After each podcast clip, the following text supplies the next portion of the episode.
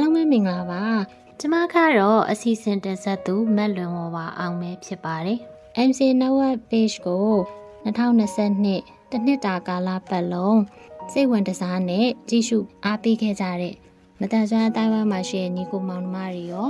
ပြီးတော့ပရိသတ်အားလုံးကိုကျမကမင်္ဂလာပါလို့နှုတ်ခွန်းဆက်ပါတယ်ကျမကအသစ်သစ်သောရှာတွေကိုဆီယမကိုပေးမယ်လို့ဂရီပေးထားတဲ့အတိုင်းပဲဒီနှစ် ပေါ့နော်2023နှစ်စ January ဒုတိယပတ်မှာဆီယမကိုဂရီတီးခဲ့တယ်လို့ပြောလို့ရရပေါ့နော်ဒီ program လေးကဖြစ်လာခဲ့ပြီပေါ့နော်2022ကနေ23ကိုကူးပြောင်းတဲ့အချိန်မှာ New Year ကိုတော့လူတွေကနှမိနေကြတယ်ဒါပေမဲ့ကျမတို့အဲ့ဒီမှာပြီးခဲ့တဲ့ January ပထမပတ် Friday ပေါ့နော်အဲ့ Friday ကဘာနေ့လဲဆိုတာကိုညီကောင်မောင်မတို့သတိရကြလားမမိခဲ့ကြလားလို့ပြောချင်တယ်ပေါ့နော် ဆိုတော့အဲ့ဒီနေ့ကအာမမရရ January 9ရက်နေ့ပြသူလပြည့်နေ့အမေများနေ့ဖြစ်ပါတယ်မာသန်ဒီပေါ့နော်ဆိုတော့ကျမတို့ညီကောင်မောင်နှမတွေအခုခေတ်မှာက social media တွေကခေတ်စားလာပြီး YouTube တွေ website တွေပေါ်များလာပြီးဖြစ်တဲ့အတွက်ကြောင့်မို့လို့ဒီနေ့ကိုတော့မသိစရာအကြောင်းမရှိဘူးလို့ထင်တယ်ဒါပေမဲ့ကျမတို့စိတ်ထဲမှာအမိများနေနဲ့ပတ်သက်ပြီးတော့ဘလောက်အထိ စူးစူးနစ်နစ်ဖြစ်နေလဲဆိုတဲ့အရာကိုကျမကဒီ program လေးမှာတင်ဆက်သွားမှာပဲဖြစ်ပါတယ် One, two, three, four.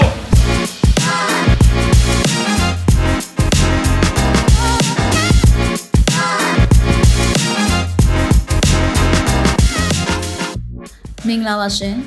ရေရေမုံမုံပို့ပို့ပပရဲ့အပတ်စဉ်ပုတ်တခုနေ့မနေ့10နာရီတိုင်းတင်ဆက်နေကြဖြစ်တဲ့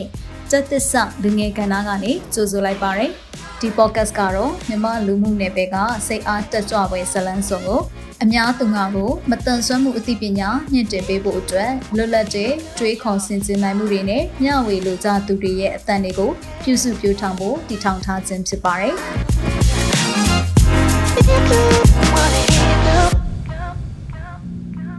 ကျမရဲ့မွေးလကအခု January လဖြစ်ပါတယ် မြန်မာလဆိုရင်တော့ပြသူလပေါ့ပြသူလမှာအမေများနေခါပြီးသွားပြီလို့ဆိုပေမဲ့လည်းကျမရဲ့မွေးလဖြစ်တဲ့အတွက်ဆောင်ကျမကဒီတစ်လလုံးမှာအမေရဲ့အကြောင်းလေးကိုအားရပါရချီးမွမ်းခြင်းနဲ့အမေအကြောင်းကိုပြောချင်ပါတယ်ကျမရဲ့မွေးနေ့ကမလာသေးပါဘူးလာမဲ့ဒီ28ရက်နေ့ဖြစ်ပါတယ် January 29ပေါ့နော်ဒီလိုမျိုးအမေကျမကိုမွေးပေးခဲ့တဲ့လမှာ မွေးနေ့ကမရောက်လာသေးပေမဲ့လည်းအမေကိုအမေများနေ့မှာအရန်တရိယာနေခဲ့လို့ဒီ program လေးကိုတင်ဆက်ပေးတာဖြစ်တယ်ပေါ့နော်ဒီ idea ကိုအမေကပေးလိုက်တာလို့လည်းပြောလို့ရပါတယ်ကျမမှာအမေမရှိတော့ပါဘူးကျမရဲ့စိတ်ထဲမှာတော့မမြင်နိုင်တဲ့နေရာမှာအမေကရှိနေတယ်လို့ကျမကယူဆတယ်ပေါ့နော်ကျမကိုလည်းကောင်းကင်ကနေပြီးတော့ကြည်ပြီးတော့ဆောက်ရှောက်ပေးနေတယ်လို့ကျမကယူဆပါတယ် အမေကကျမရဲ့ဘဝတွေကထွက်ခါသွားတာအခုဆိုလို့ရှိရင်6နှစ်နေပါလောက်ရှိပြီပေါ့နော်ညီကောင်မောင်နှမတို့ရေတကယ်လို့များအခုချိန်မှာညီကောင်မောင်နှမတို့မှာတက်ရှိထင်ရှား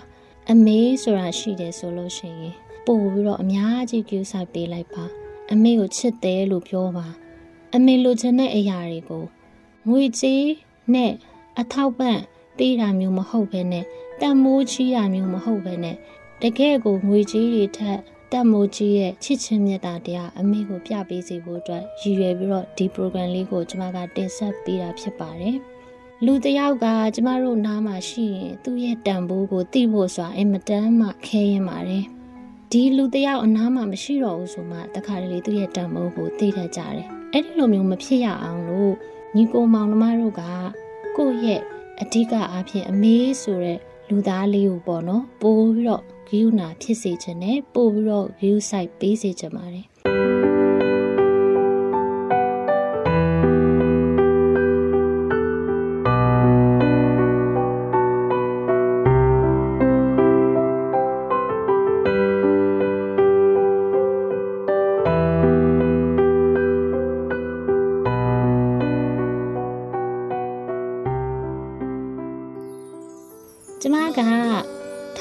1986ခုနှစ်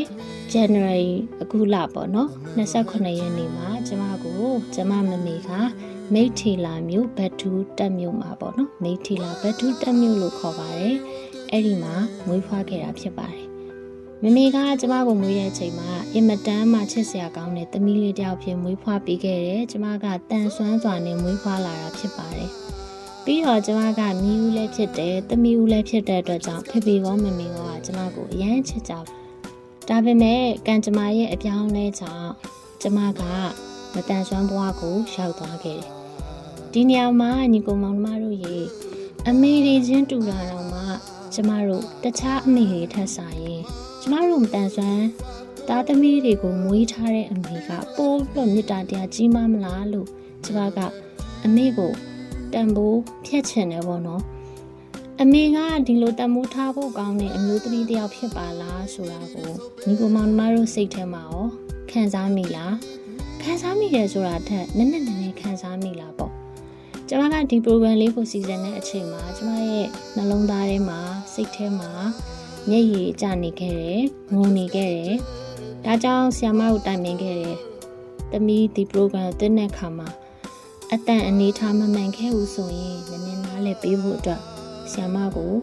request လုပ်ခဲ့တယ်တောင်းပန်ခဲ့တယ်ပေါ့နော်အမေတိုင်းမှာမိခင်မြတ်တာရှိချင်မှရှိမယ်ဒါပေမဲ့အမေဆိုတာလူတိုင်းမှာရှိပါတယ်ကျမပြောထားတဲ့စကားလေးကိုနည်းနည်းလေးစဉ်းစားပေးစေချင်တယ်ကျမတို့အခုခိုင်နှင်းဝေဆိုတဲ့ဂီဟာမှာမိဘမဲ့ဂီဟာပေါ့နော်အဲ့ဒီမိဘမဲ့ဂီဟာကကလေးတွေအားလုံးဒီအမေမရှိဘဲနဲ့မွေးဖွားလာတာမဟုတ်ပါဘူး သားသမီးတိုင်းမှာအမေဆိုတာရှိတယ်ဒါပေမဲ့မိခင်မြတ်တာမရှိလို့ဒီလိုနေရာကိုရောက်တာပေါ့နော်ချင်းချက်နေတဲ့အားလုံးကိုတော့ကျမမဆိုလို့ချင်ပါဘူးမိခင်မြတ်တာဆိုတာကလည်းမိခင်ဖြစ်ပြီးတဲ့အမျိုးသမီးတိုင်းမှာရှိတာမဟုတ်ဘူးမိခင်မဖြစ်ဘူးတဲ့ကျမတို့လိုအိမ်အောင်မပြူရသေးတဲ့သူတွေမှာလည်းမိခင်မြတ်တာဆိုတာရှိပါတယ်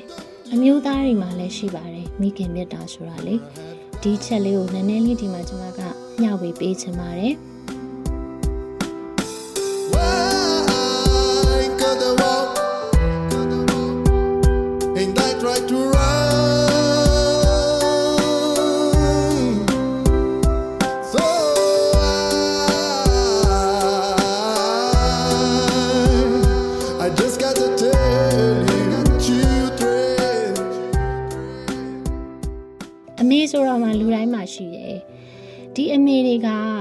ပြုတ်ပြီးတဲ့အခါမှာသူတို့ရဲ့သားသမီးတွေကိုမွေးဖွားလာတဲ့အခါမှာအင်မတန်မှ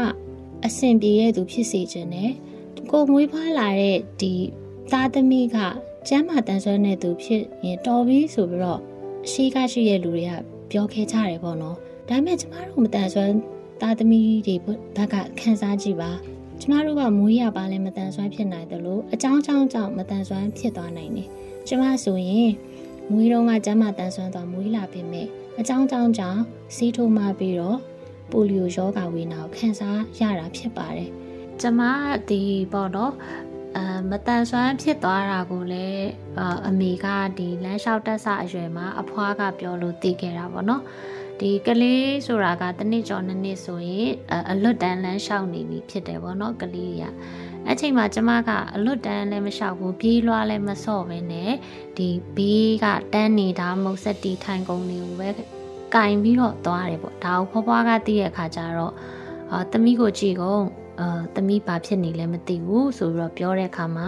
သွားပြီးတော့ဆရာဝန်ပြကြည့်ရဲ့အခါမှာကျမရဲ့ဘယ်ဘက်ခြေထောက်ကမတန်တော့ဘူးပေါ့နော်ပြောချင်တာကကျမရဲ့မတန်ဆွမ်းဒီလိုဖြစ်သွားတဲ့အခါမှာအမေကကျမလက်ကိုဆွဲပြီးတဲ့အခါကျတော့ ဒီကြိုက်ဝိုင်းမှရှိရဲ့မျိုးသားပြန်လဲတန်ဆွမ်းရေးဆေးရုံပေါ့နော်အဲကြိုက်ဝိုင်းကိုသွားခဲ့ပါတယ်သွားပြီးတော့ကျမအတွက်ဟိုခြေထောက်ပုံတူပေါ့နော်ဒီခြေထောက်ကိုရမ်းကြွက်သားတွေပြုံသွားအောင်အမေကသူကိုယ်တိုင်လဲတူနာပြုဖြစ်တယ်လေဒါကလည်းကျမအတွက်အရန်ကန်ကောင်းတဲ့အရာပေါ့နော်ဟိုတချို့ဆိုရင်ဒီလိုမျိုးလက်လန်းမမီတဲ့နေရာတွေမှာရောက်ပြီးတော့ဟိုကုသခွင့်လည်းမရဘူးဟိုအရန်နောက်ကြတယ်ပေါ့ဒါပေမဲ့ကျမကမမေရဲ့ကျေးဇူးကြောင့် အဲ့လိုမဖြစ်ခဲ့ဘူးပေါ့နော်အမေကခေါ်သွားပြတဲ့အခါကျတော့တခါတည်းခြေထောက်ပုံတူယူခဲ့တယ်ပြီးတော့ဒီခြေထောက်အတွက်ကျမသမီးလေးကိုဘာလုပ်ပေးရမလဲအကျမကလည်းညံကောင်းလွန်းတာလားမသိဘူးကျမရဲ့ဒီငယ်ဘဝရဲ့ဒီ memory ပေါ့နော်ဒီဘာတွေအားလုံးကျမအုံနောက်ထဲမှာမှတ်မိနေတယ်ဆိုတော့တစ်နှစ်ခွဲနှစ်နှစ်ဆိုတာလည်းမှတ်မိကောင်းမှတ်မိနိုင်ပါတယ်မမေကအဲ့လိုမိတယ်ဆရာဝန်ကအဒါကတော့လူမျိုးခြေတုယူရမယ် ဒီပုံစံခွက်ကိုအာကလေးအသက်၄နှစ်လောက်အထိအထိန်လေးတက်ပေးရမယ်လေ့ကျင့်ခန်းတွေလုပ်ပေးရမယ်အရေးကူးရမယ်နောက်ကလေးကိုဘယ်လိုမျိုးဆိုတော့ဒီဟာတွေပေါ့နော်အကုန်လုံးဒီခြေထောက်ကိုကောင်းစေတဲ့အရာတွေပေါ့နီးလန်းတွေကိုသူကဆရာဝန်နဲ့တွားပြီးတော့မေးခဲ့တယ်ပေါ့နော်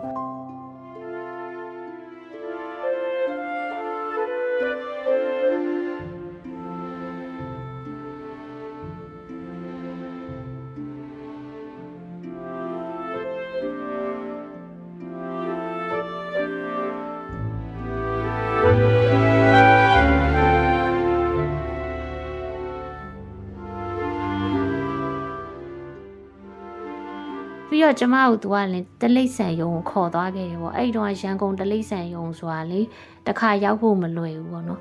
အဲ့မှာကျမတို့တမင်လေးတွေကိုအစာကျွေးရဲ့မြောက်လေးတွေကိုအဲ့လိုအစာကျွေးရဲ့တလိမ့်ဆန်တွေကိုပြခဲ့တယ်ဒီကိုယ့်ရဲ့သားသမီးကိုဘယ်မိပါမဆိုကျမ်းမာတန်ဆွမ်းတဲ့ကလေးပဲမွေးချင်တာလीနော်လူမျိုးမကျမ်းမာဖြစ်လာခင်ဘလောက်စိတ်မကောင်းဖြစ်ပြီးတော့အမေရဲ့ရင်ထဲမှာပေါ့နော်ဘလောက်ပူလောင်မလဲဆိုတာကို ဟောညီကိုမောင်နှမတို့လည်းတွေးကြည့်လို့ရပါတယ်။အဲ့တော့အမေတွေနေရာစဉ်းစားကြည့်အောင်သားသမီးတွေနေရာစဉ်းစားပြီးသွားရင်အမေတွေကကိုမွေးဖွားလာတဲ့သားသမီးမှာချိုရင်းချက်ပါလာတဲ့အခါမျိုးမှာတချို့သောနိုင်ငံတွေမှာကျမကြားဘူးပါတယ်။အထရာဆောင်းရိုက်ပြီးတတိသားဘဝတွေကဒီလိုမျိုးချိုရင်းချက်ရှိရဆိုရင်မွေးဖွားခွင့်မပေးဘဲနဲ့တတိသားဘဝတွေကဖျက်ဆီးလိုက်တယ်လို့ကြားဘူးပါတယ်။ ဘာဖြစ်လို့လဲဆိုတော့ဒီကလေးကမတန်ဆွမ်းဖြစ်မွေးဖွားလာမှာဖြစ်လို့ပေါ့နော်ဒီနိုင်ငံရဲ့လူဦးရေအရာအဲ့လိုမျိုးတွေလည်းတွေးကြတယ်ပေါ့နော်မတန်ဆွမ်းသူတွေဖြစ်သွားရင်သူတို့နိုင်ငံအတွက်တိုးတက်မှုနှောင့်နှေးတယ်ဆိုတော့အယူဆလွဲမှားတာတွေကြားဖို့ပါတယ်ဒါပေမဲ့ကျမတို့နိုင်ငံမှာမရှိပါဘူးရှိတဲ့နေရာလည်းရှိရပေါ့နော်တချို့ရှေးယူဆဲတဲ့နေရာတွေမှာရှိပါတယ်များသောအားဖြင့်မရှိတာများပါတယ်အခုကတော့အဲ့ဒီအယူအဆက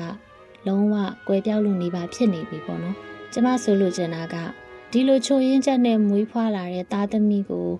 ဥပမာအမေတယောက်ကသားသမီး၃ယောက်မွေးလာပြီကိုယ့်ရဲ့သားသမီးမှာကျန်တဲ့သားသမီး၂ယောက်ကအားလုံးတန်ဆွမ်းနဲ့ကျန်းမာတယ်ဖြစ်ခဲ့တယ်ဒါမဲ့ဒီသားသမီးကခန္ဓာကိုယ်လည်းမတန်ဆွမ်းဘူးနော်ဉာဏ်ရည်မတန်ဆွမ်းဘူးဒါမှမဟုတ်နားမကြောက်ဖြစ်ခဲ့မယ်အကြားအာယုံချိုးရင်းနေမယ်မျက်စိမမြင်မဲမွေးဖွားလာမယ်အမြင်အာယုံချိုးရင်းနေမယ်ဆိုခဲ့ရင်တော့ ပို့ပြီးတော့ချစ်ပေးကြပါတယ်မဟုတ်ဘူးလားညီကိုမောင်နှမတို့ကိုယ့်ဟာကိုပြန်ပြီးတော့သုံးသက်ကြည့်ပါညီကိုမောင်နှမတို့ကကိုယ့်ရဲ့မိသားစုထဲမှာမတန်ဆွမ်းဖြစ်မွေးဖွားလာလို့ကိုယ့်ကိုဦးစားမပေးခဲ့တာကိုယ့်ကိုမချစ်ခဲ့တာမျိုးများရှိခဲ့ပါသလားမရှိဘူးနော်အရန်အချစ်ခံရတယ်ဒါမဲ့တချို့မတန်ဆွမ်းကြောင်းတွေကိုပို့ကြတယ်မချစ်ခဲ့တဲ့မိဘတွေလည်းရှိချင်ရှိမယ်မိခင်တွေလည်းရှိမယ် ဒါပေမဲ့ကျမတို့ရဲ့အမေကျမရဲ့အမေကတော့အဲ့ဒီထဲမှာလုံးဝမပါခဲ့ပါဘူး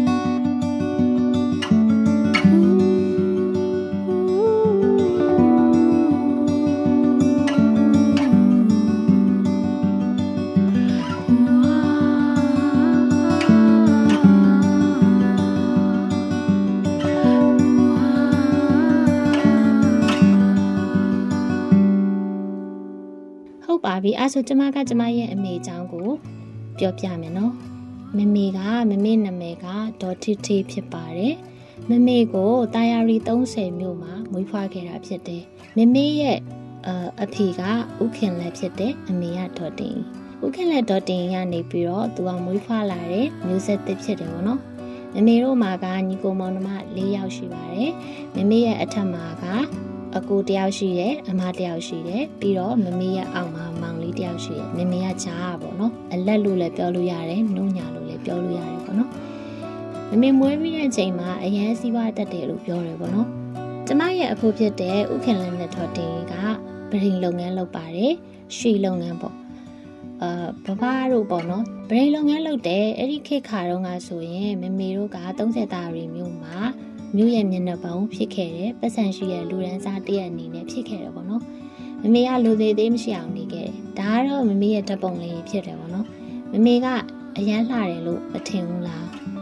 မမေကအဲ့လိုမျိုးလှပပြီးတော့ပြည်စုံတဲ့ main ဖြစ်ကြောက်ဖြစ်တယ်သပင်လည်းအရှိပဲကိုလုံးကိုပေါက်လည်းအရန်လှတယ်မျက်လုံးလေးလည်းလှတယ်အသားရည်လေးလည်းအရန်လှပါတယ်ဒါကြောင့်မမေကိုသူ့ရဲ့အဲမြို့မှာပေါ့နော် လာပြီးတော့ကမ်းလှမ်းတဲ့လူတွေရှိရဲတင်တောင်းတဲ့သူတွေရှိရဲမမေကိုအရင်ချစ်ကြတယ်ပေါ့နော်အဲ့လိုမျိုးတထေးသားတွေရှိတဲ့ထဲမှာမမေကဖေဖေကိုရွေးခဲ့တာပေါ့နော်ဒီနေရာမှာဖေဖေအကြောင်းလေးကိုနောက်မှပြောမယ်မမေအကြောင်းကိုအရင်ပြောကြမယ်ပေါ့နော်အဲ့ဒီလိုလေးတိတ်မရှိတဲ့ဘဝနဲ့မမေကနေခဲ့ရပါမယ်မမေကသူဘာလုပ်လဲဆိုတာကျွန်မပြောပြမယ်နော်မမေကလေကျမရဲ့အဖိုးကပြောခဲ့ပါတယ် ရွှေဆိုင်လုပ်ငန်းကိုလက်ဆင့်ကမ်းယူပြီးတော့ရွှေဆိုင်ထွက်ပါလို့ပြောခဲ့တယ်ပတိန်လုပ်ငန်းကိုအမွေဆက်ခံဖို့ပြောခဲ့တယ်ပြီးတော့တတိယတယောက်နဲ့လက်ထပ်ဖို့အတွက်အမေကိုပြောခဲ့တာအမေကလုံးဝညင်းပယ်ခဲ့ပြီးတော့မမေကစစ်တူနာပြုတက်ကတူကို ဖြည့်ဖို့အတွက်လုပ်ခဲ့ပါတယ်အဲ့ဒီအချိန်ခါတုန်းက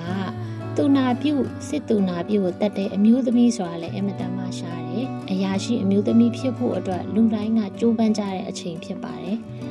အဲ့ဒီအချိန်မှာမမေက30တမျိုးလုံးမှာနှစ်ယောက်ပဲအောင်ပါတယ်။မမေပါသွားခဲ့ပါတယ်။အဲ့ချိန်မှာမမေကသူ့ရဲ့မိဘတွေအတွက်မျက်နှာပန်းပွင့်စီတဲ့သားသမီးတယောက်စပြီးတော့ဖြစ်လာခဲ့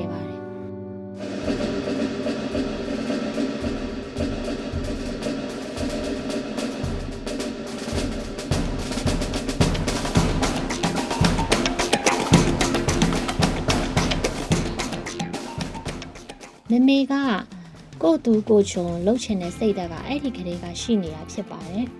။မမေကိုစစ်တူနာပြုတ်တက္ကသိုလ်ဘိုလောင်းတင်တဲ့အကြောင်းကိုအဖိုးကကိုယ်တိုင်လိုက်ပို့ခဲ့တယ်။အဲ့ဒီလိုက်ပို့ခဲ့တဲ့အချိန်ကလေးကမေးခဲ့တယ်။မမေကိုဒီသူနေမဲ့အခန်းထိလိုက်ပို့တဲ့အချိန်မှာအဖိုးကအထုပ်ပိုးတွေချပြီးတဲ့အချိန်ဒီမေးတော့မှာပဲ။တမီးအစံပြေရဲ့လား။တမီးနေနိုင်လို့လား။တေချာစဉ်းစားနော်လို့ပြောခဲ့တယ်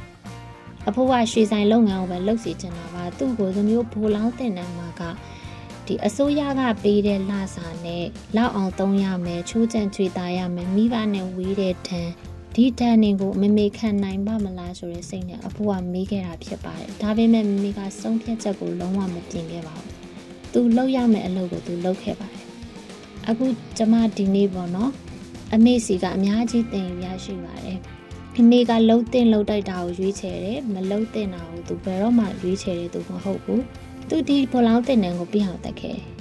ဒါကတော့မမေဘလောင်းတင်နန်းဘဝတော့ကအာဒါဓာတ်ပုံလေးပေါ့နော်ဒါမမေဒါဘလောင်းဆိုတော့ဂဒက်လို့ခေါ်တာပေါ့နော်ဂဒက်ဘဝတော့ကဒါဓာတ်ပုံလေးဖြစ်တယ်ဒါအပြုတ်တော့ကပေါ့နော်အရန်လှတယ်ပေါ့နော်ချစ်စရာရန်ကောင်းတယ်ကျမရဲ့အမေက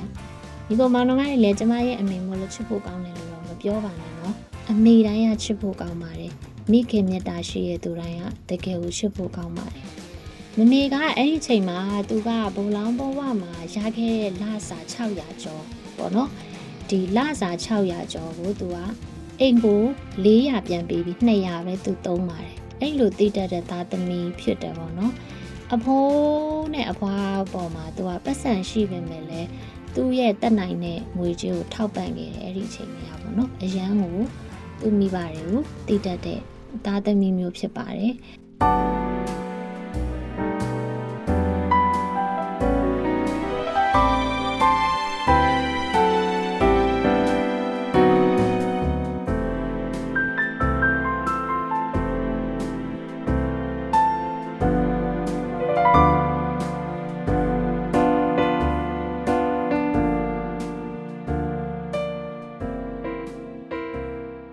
ဆိုရင်ခုနကကကျွန်မပြောမယ်ဆိုရက်ဖေဖေနဲ့မမေအကြောင်းဆက်သွားမယ်နော်မေကဘိုလောင်းတက္ကသိုလ်တက်ရင်းနဲ့လေတစ်ဖက်ကသူကရန်ကုန်တက္ကသိုလ်ထဲမှာနောက်တစ်ပွဲထပ်ယူခဲ့တယ်ပေါ့နော်မမေကသိပ္ပံနဲ့ပွဲရတာဖြစ်တယ်ပေါ့ဆိုတော့မမေကသူကအဲ့ဒီသင်တန်းကျောင်းတက်ပြီးတော့ University ပေါ့ဒီကျမတို့ရန်ကုန်တက္ကသိုလ်ထဲမှာတက်တဲ့အချိန်မှာမမေကဖေဖေနဲ့စပြီးတော့တွေ့ခဲ့တာပေါ့နော်အဲဒီနေရာမှာမမေရဲ့အကြောင်းလေးဟိုအချစ်ဇလန်းလေးပေါ့ ကျမနည်းနည်းပြောပြမယ်နော်ခုနကကျမပြောခဲ့တာရှိပါတယ်မမေကိုတထေးသားတွေနဲ့လက်ထပ်ဖို့အတွက်ကမ်းလှမ်းခံရတယ်လို့ပြောခဲ့ရနော်ဒီကျမပြခဲ့တဲ့ထပ်ပုံတွေကိုကြည့်ခြင်းအပြင်မမေကဘလောက်လှလဲဆိုတာတွေ့မှာပါနော်အဲ့တော့မမေကဖေဖေနဲ့ဒီတက်ကတူမှာတွေ့ရတဲ့အချိန်မှာဖေဖေကအင်မတန်မှဆင်းရဲပါတယ်ဆင်းရဲပါတယ်ဖေဖေရဲ့အဖေပေါ့နော်ကျမတို့အဖိုးပေါ့ဥကြော်မောင်ဆိုတာကသူကဒီကျမတို့စစ်တပ်ထဲမှာဟို တက်ကြက်ကြီးပေါ့နော်တက်ကြက်ကြီးဖြစ်တယ်ပြီးတော့မမေတို့ကအရန်ချမ်းသာတဲ့အာဒီအတိုင်းဝိုင်းနဲ့အစင်းရဲတဲ့အတိုင်းဝိုင်းနဲ့ဖြစ်နေခဲ့တာပေါ့နော်ဒါပေမဲ့မမေကလည်းဘာဖြစ်လို့ဖေဖေကိုရွေးချယ်လဲဆိုတော့ဖေဖေကအရန်ချောတယ်ဖေဖေကဖေဖေတပ်ပုံတွေတိတ်မရှိလို့ပေါ့နော်ဖေဖေကဥပဒေရုပ်တော်တော်ကောင်းတယ်ရက်လည်းရှိရပေါ့နော်မမေကထားကြအောင်ပေါ့နော်သူ့ကိုအရန်ချစ်ခဲ့တာဖြစ်တော့ပေါ့နော်တခြားသူတွေကိုမရွေးဘဲနဲ့ အဲအရာရှိတွေလည်းရွေးလို့ရတယ်တကယ်ပညာတတ်ဆရာဝန်တွေလည်းမမေကိုကမ်းလှမ်းတာရှိခဲ့တဲ့အမျိုးသားတွေပေါ့နော်ဒါပေမဲ့မမေကဖေဖေကိုပဲရွေးချယ်ခဲ့ပါတယ်ဖေဖေနဲ့မမေနဲ့အိမ်အောင်ပြုတ်ပြီးတော့ကျမတို့ပေါ့ကျမတို့ရလာပြီးတဲ့အချိန်မှာအာအခုကျမတို့မိသားစုလေးပေါ့မိသားစုလေးဟာတကယ်ကိုမျိုးအရန်ချမ်းသာတဲ့လူမဖြစ်ခဲ့ဘူးပြည့်စုံစွာမနေခဲ့ရပါနဲ့ အာအင်မတန်မှဒီစိတ်ချမ်းသာတယ် peace of mind ပေါ့နော်အဲ့ဒီစိတ်ကိုရတယ်ဖေဖေကကျမတို့ကိုရောက်ရဲတင့်တယ်ရအောင်သင်ပေးတယ်အဲ့ဒီစိတ်အခြေအနေကိုပဲမမေကသူ့ကိုချစ်ခဲ့တာလားမသိဘူးပေါ့နော်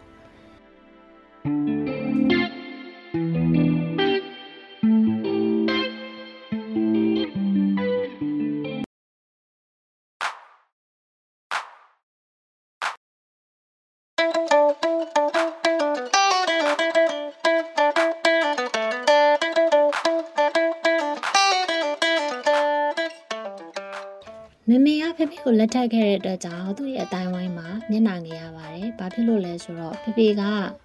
မမေကအရာရှိစစ်သူနာပြုဖြစ်တယ်ဖေဖေကအခြားအဆင့်ဖြစ်တယ်။သူတို့တယောက်ကဒီဝန်နှန်းဘွားနဲ့ပဲတွေ့ပြီးတော့ချစ်ခင်နေတဲ့လို့လက်ထပ်ခဲ့တာဖြစ်တယ်ပေါ့နော်။တငယ်ချင်းတွေကမင်္ဂလာဆောင်တဲ့ချိန်မှာသူတို့ကိုမပြောဘူးတဲ့။မမေကဘာလို့မပြောတာလဲဖေဖေနဲ့ချစ်ကြိုက်ခဲ့တယ်ဆိုတာကိုဖြတ်မှာဆိုလို့မပြောခဲ့တာဖြစ်တယ်။ဆိုတော့အရန်စိတ်ဆိုးကြတယ်။ ဒီလောက်ကောင်းတဲ့သူတွေရှိရကြရဲမှာဖေဖေကိုဘာကြောင့်ရွေးချယ်ခဲ့တာလဲဟုတ်ပါတယ်သူတို့ပြောတဲ့စကားအရင်မှန်တယ်ပေါ့နော်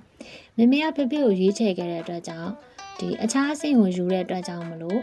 အရာရှိကြော်တွေအရာရှိတွေရဲ့လက်ညှိုးထိုးခြင်းကိုခံရတယ်ပြီးတော့နှိမ့်ချဆက်ဆံတာခံရတယ်အမျိုးမျိုးသောလောကရဲ့ရိုက်ချက်ပေါင်းခံရတယ်နောက်တစ်ခုကကြတော့ဖေဖေကဝင်ငွေမလောက်တဲ့အတွက်ကြောင့်မမေကကျမတို့တော့ဝင်ငွေတိုးပြီးတော့ရှာပေးရတယ်ကျမတို့က အမေကဥဆောင်တဲ့အိမ်တော်ကြီးဖြစ်ခဲ့ပါတယ်။ဒါကြောင့်မလို့မမေရဲ့ဘဝဟာအနေကျအတက်အမြင့်နေနဲ့အင်မတန်ကြမ်းတမ်းနေ။ဒီလိုကြမ်းတမ်းတဲ့ဘဝကနေရုန်းကန်ခဲ့ရတဲ့အမေကိုကျမကတိတ်တက်ဆအရွယ်တွေကမြင်နေရတဲ့အတွက်ကြောင့်အယမ်းတနာပါတယ်။တနာချင်းစိတ်ဖြစ်ပါတယ်။ဒီလိုဖြစ်တဲ့အတွက်ကြောင့်ကျမကမမေကိုစိတ်လိုလက်ရပြုစုခဲ့တယ်အမေအနာမှာထီးတက်လက်ဖြစ်ပေးခဲ့တယ်အမေရဲ့တောင်မွေးလေးဖြစ်ပေးခဲ့ပါတယ်။ ညီကောင်မောင်နှမတို့ရေကျမကုနာပြောခဲ့တဲ့အတိုင်းပါပဲအခုညီကောင်မောင်နှမတို့ရဲ့ဘေးမှာတက်ရှိထင်ရှားအမေဆိုတဲ့အရာရှိခဲ့ရင်အမေလို့နွေးနွေးထွေးထွေးနဲ့ခေါ်ပါအမေကိုချစ်တယ်လို့ပြောပါထီတက်လက်မဖြစ်ဘူးဆိုရင်တော့မှပေါ့နော်အမေအတွက်ပူလောင်တဲ့မီးဆိုတာမဖြစ်ဖို့အတွက်တားသမီးနေရာကနေကျမကပြောတာဖြစ်တယ်တားတွေဆိုလဲအမေအတွက်ပေါ့နော်အားတစ်ခုဖြစ်ပါစေပေါ့နော်အမေကို အနေပြုတဲ့သူ အမေကိုစိတ်ဒုက္ခပေးတဲ့သူအမေရှိတုန်းကဘာမှလုံးမပေးလိုက်ရဘူးဆိုပြီးတော့နောင်ထရချင်နေတယ်ဖြစ်မသွားရအောင်ကျမကတိုက်တွန်းချင်ပါတယ်အခုပဲညီကိုမောင်နှမတို့အမေလို့အမေကိုနည်းနည်းထွေးထွေးခေါ်ကြည့်ပါအမေ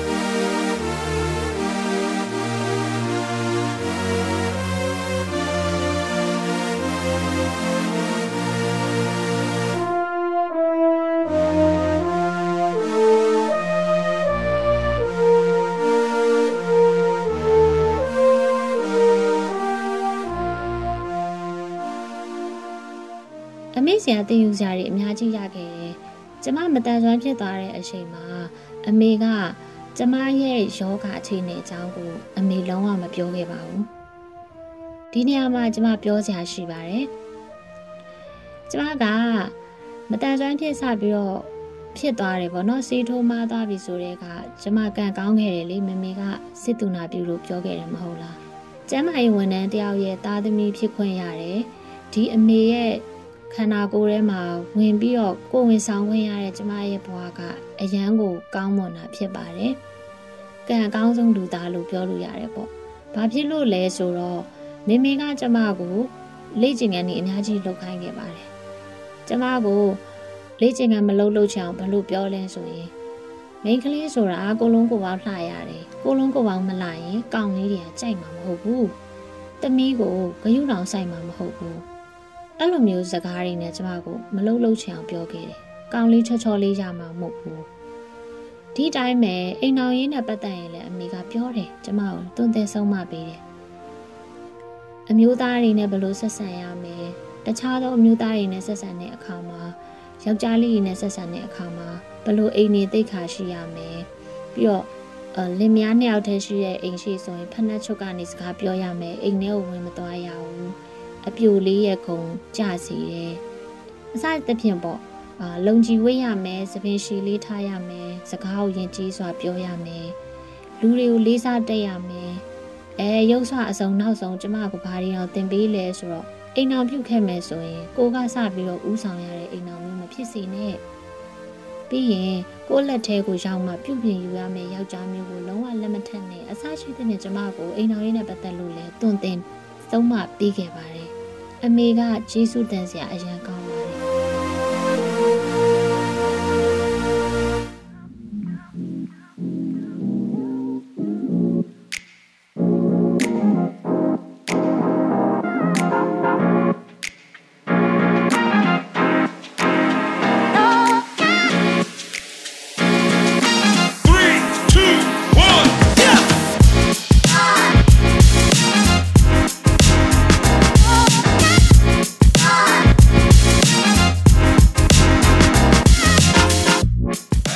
မတို့ရဲ့ရေရေမောမောပေါပေါပပပေါ့ကတ်အစီအစဉ်မှာအလုတ်တင်အဖြစ်ဖန်တီးမှုမျိုးစုံကိုလက်စွမ်းပြလှုပ်ဆောင်ဖို့စိတ်ပါဝင်စားသူများအနေနဲ့ Google Form ကနေပြီးတော့မှမိမိတို့ရဲ့မှတ်ပုံတင်ရှင်းနှောင်းနဲ့အလှတက်ပုံတစ်ပုံအပြင်နမူနာလက်ရာတစ်ခုနဲ့အတူအမြင့်ဆုံးရှောက်ထားဖို့ဖိတ်ခေါ်လိုက်ပါတယ်။နောက်ပတ်ဗုဒ္ဓဟူးနေ့မနက်7:00နာရီမှာပြန်ဆောင်ကြရအောင်နော်။